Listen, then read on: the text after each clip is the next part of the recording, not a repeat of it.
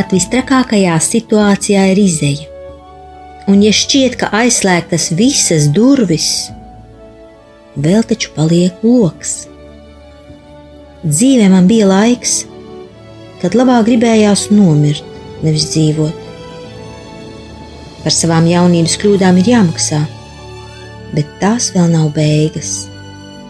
Dievs man atvēra logu un dāvāja jaunus spārnus, lai mācos atkal lidot viss ir iespējams. Tikai tici, ceri un mīli. Dievs ir ar tevi arī tad, kad tu to nejūti. Es to zinu droši. Laura. Šādi vārdi ir uz grāmatas pēdējā vāka. Lasīsim 11. fragment no Lauras Niedras dzīves stāsta vai baltajiem zirgiem jāpaliek sapnī.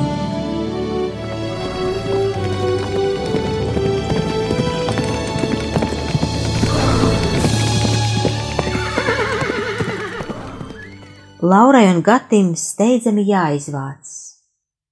Izrādās, ka Gatis šo dzīvokli izpircis tikai pa pusēji. Nu, saimnieki vairs negaidīs. Viņiem ir citi plāni ar šo ūķi tas tiešām ir ūķis, jo atbaidošāku dzīvokli Laura nav redzējusi.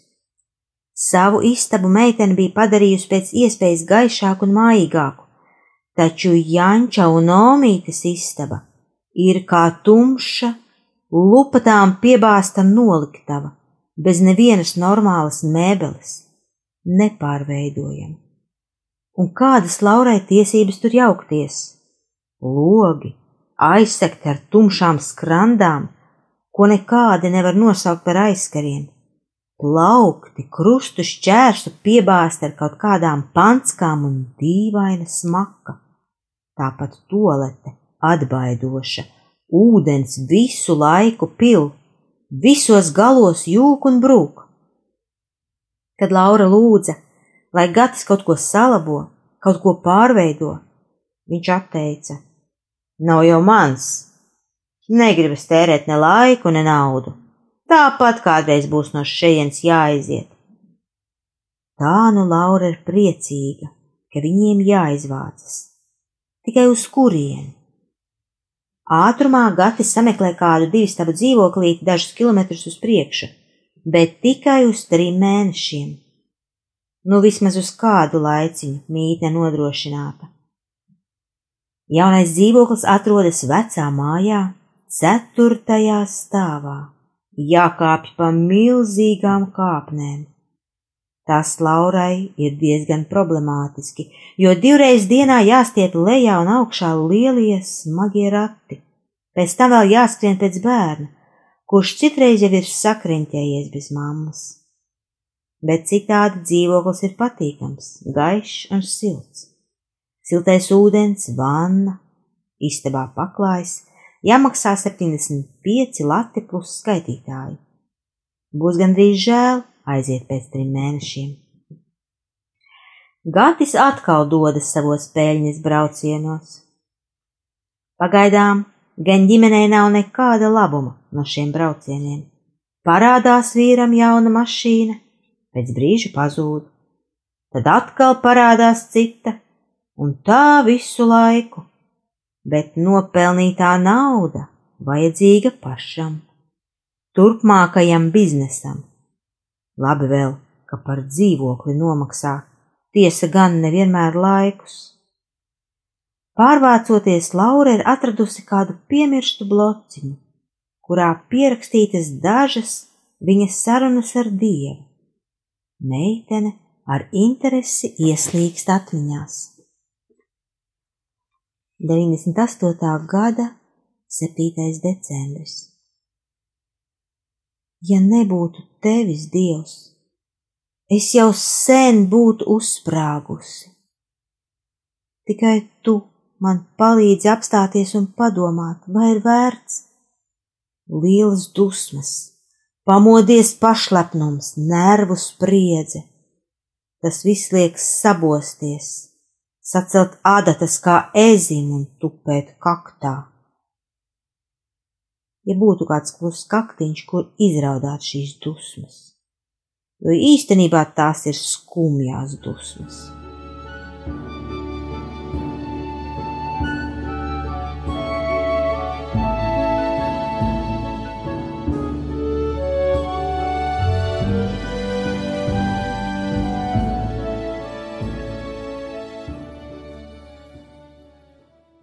Labi, ka tu saki pazemojies. Es dzirdu, kā tu to saki, bet man gribas raudāt, es nespēju. Es esmu apvainojusies. Man ir grūti iedomāties, kā varētu pirmā pasniegt roku. Šoreiz ne. Bet es jūtu tavu atbalstu. Tu esi miera dievs. Tu gribi, lai arī mēs būtu miera bērni. Es saprotu, ka tas ir pareizākais ceļš. Tāpēc jau tas ir šaurais ceļš. Paldies par šādiem brīžiem! Paldies par atbalstu! Pārmāci mani mīļais tēvs! Lūdzu! 98. gada 10. decembris. Dievs, kur tu esi? Kāpēc man nav spēka būt pie tevis?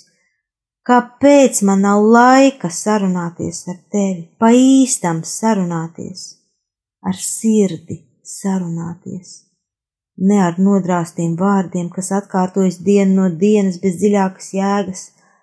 Dievs dod man sirds lūgšanu, dāvina man tava tuvuma apjausmu, ļauj man būt tev cieši, cieši klāt.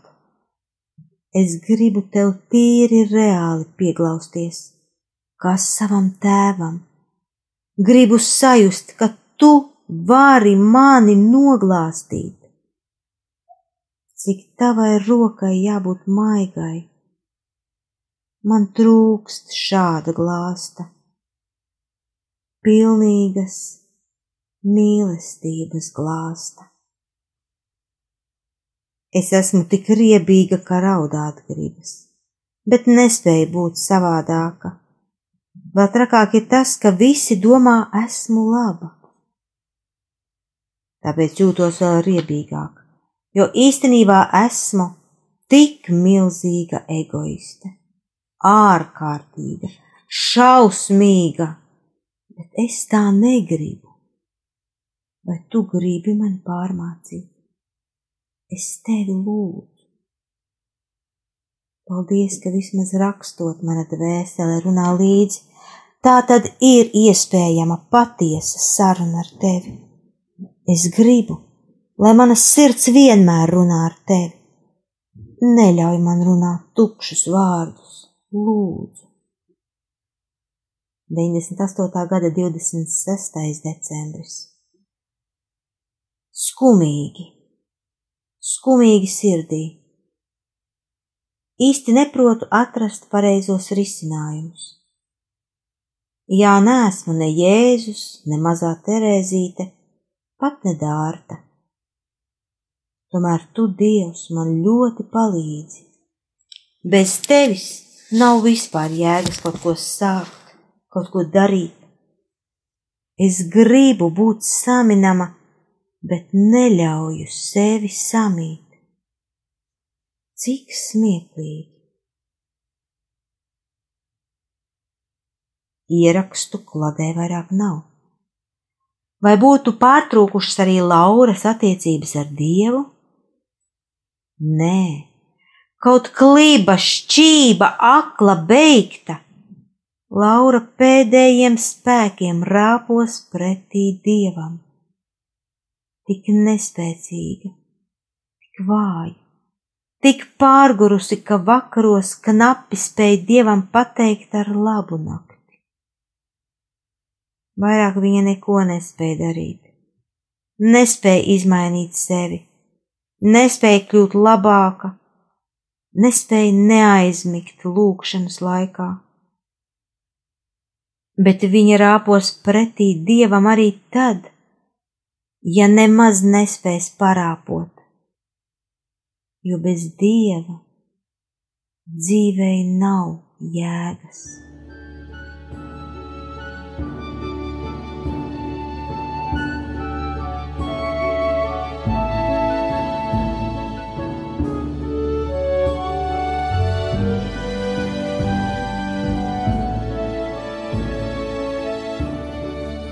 99. gada 21. marts. Elžuk, Dievs tevi bezgalīgi mīl, Viņš tevi ārkārtīgi sargā. Zini, Dievs šorīt mani izrāva no gultas īstajā brīdī. Vēl mirklis, un tu būtu ar galvu pa priekšu vertikāli ietriekusies grīdā. Kā tas notika? Tu pa nakti guli ratiņos blakus manai gultai, redeļu gultiņā tu neproti iemigt. Ratiņi mums ir augstie, ar lielajiem riteņiem. No rītiem tu bezgali jauki darbojies viena pati, ļaujot man vēl kādu stundiņu pasnaust. Tā arī šorīt dzirdēju, ka tu jau sen esi nomodā un omulīgi ņemies ar segu savām rociņām un kājiņām. Es turpināju gulēt ilgi un pa miegam klausījos, ka tu ar visu esi apmierināta. Tu jautri dūdoji. Pēkšņi es jūtu, ka man tūlīt jāceļas. Tā nebija lēna pamošanās ar miegainu staipīšanos, tā bija pielēkšana no gultas, un es paspēju tevi saķert. Tu nes kā, ratu šaurajā klubā bija pamanījusies apelties uz vēdera, un puse no tevis jau bija krietni pāri ratu malai. Varēja redzēt, ka tev ir jautri. Man gan nebija jautri. Es raudāju. Es mīļoju tevi un raudāju aiz pateicības dievam. Dievs ir uzklausījis manas lūgšanas. Viņš tevi sargā arī tad, kad es guļu. Meitiņ, es nekad nebiju piedzīvojusi tādu brīnumu. 99. gada 5. aprīlis. Labvakar, Vauva! Tavu mīļvārdiņu krājums strauji pieaug, jo gribas tevi saukt tā, kā tu pati runā.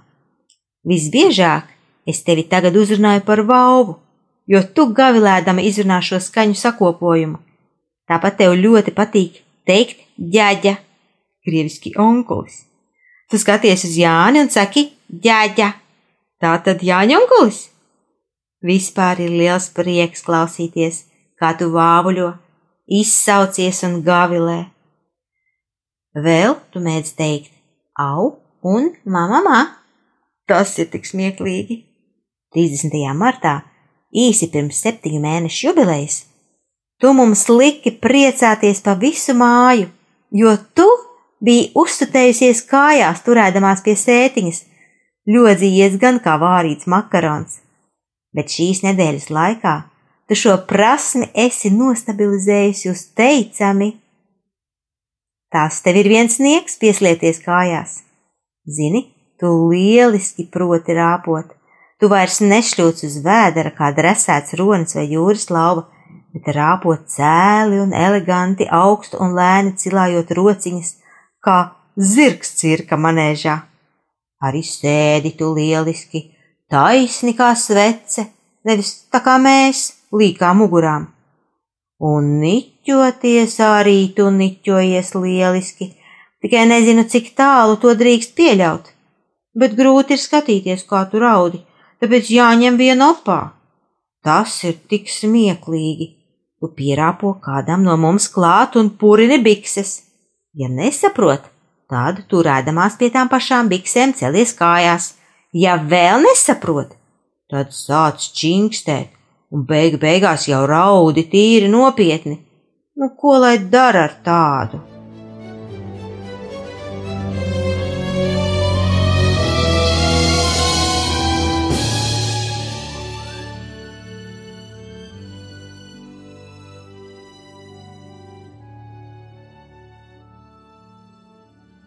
99. gada 13. aprīlis.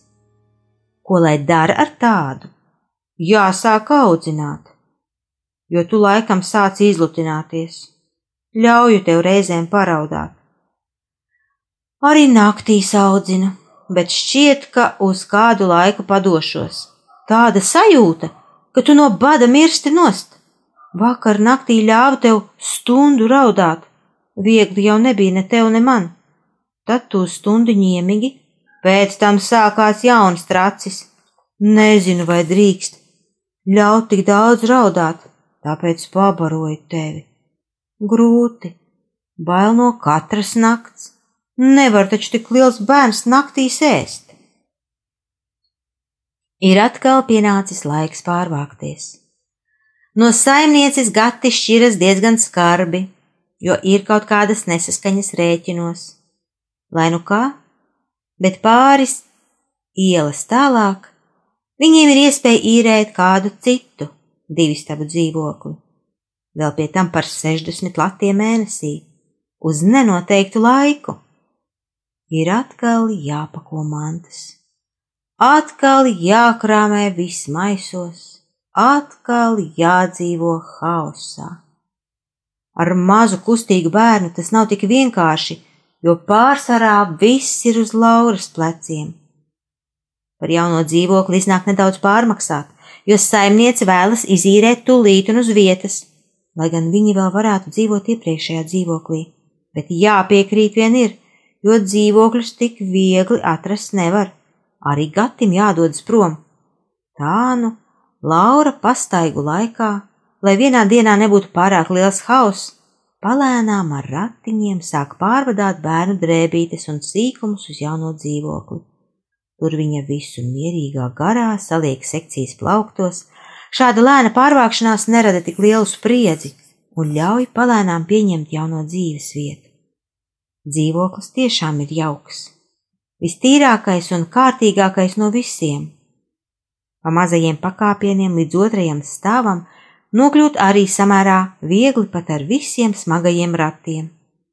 Silts, tīrs, skaista sekcija, labs paklājs, siltais ūdens, telefons, gulta omītē un jančukam, viss, kas vajadzīgs, pat liels jauns leduskapis Laura rosās pa jauno dzīvokli gandrīz katru dienu, bet viņai zem kājām rāpo mazais elžuks. Kad pienāk īstā pārvākšanās diena, Laura ar smaidu atvadās no vecā dzīvokļa. Viņa jau ir iedzīvojusies. Gatis atkal aizbrauc. Laura jau ir pieradusi, un tā viņai dzīvot un iztikt šķiet pat vieglāk. Meitene ir ļoti taupīga nopērk tikai nepieciešamo, bet visa pietiek. Kad gatis ir mājās, viņš nepērk neko, bet ēd par trim. Tikai piekdienās vīram ir tradīcija palutināt ģimeni. Tad viņš nopērk ābolus, ledenes un bulciņas, dažreiz arī kādu zivi vai vistas kāju. Visvairāk jau arī pats noēd, sēdēdams pie televizora un nekā nedarīdams. Laurai tas šķiet dīvaini, Kā var noēst veselu skumbriju viens pats? Ja Jančuka šajā brīdī nav mājās, tad viņš šo zivi pat paostīt nedabū. Laura gan citreiz paspēja kaut ko nosturbināt, kamēr vīrs vēl nav ķēries pie maltītes. Bet meitene ļoti nomāca šādu sēdienu reizes. Gatis visbiežāk ēd tikai pie televizora, noliekot šķīvus taburetes. Laura gan vēlētos iemācīt bērniem ēst pie galda, taču Jančuks rautina raujas ar savu šķīvi pakaļ tētim, loģiski, jo viņš tēti tik reti redz. Kamēr vīrs izlaidies pie televizora, Laura otrā istabā midzina meitiņu. Pārsvarā Elžukam ir ļoti grūti iemigt. Ar šūpošanu ratos vien nepietiek. Laura groza smagos ratus uz riņķi kā karuselī, kamēr rokas vairs netur vai arī nēsā mazuli uz rokām un aijā, bet tā viņa pagurst vēl ātrāk. Laura ilgojas pēc kāda palīga, bet Jančuks vēl ir par mazu, Omīte par vecu, un Gatis par slinku. Nevienu reizi viņš nav nācis Laurai palīgā. Ne pie ģērbšanas, ne barošanas, ne aijāšanas, Laura gan atceras to vienu pamperpaku, ko Gatis atveda no Vācijas. Tas meitenei bija radījis milzu izbrīnu un prieku. Gatis taču bija atcerējies par savu meitiņu. Gatis bija viņai kaut ko atvedis. Laura toreiz nebeidza vien vīru slavēt par šo labo darbu, un viņas sirds bija patiesas pateicības pilna. Diemžēl tā bija vienīgā reize. Bez vilnas zeķītēm un šīs pamperpakas Gati savai meitiņai nav pircis un vedis neko. Laikam jātaupa, citādi apstāsies bizness.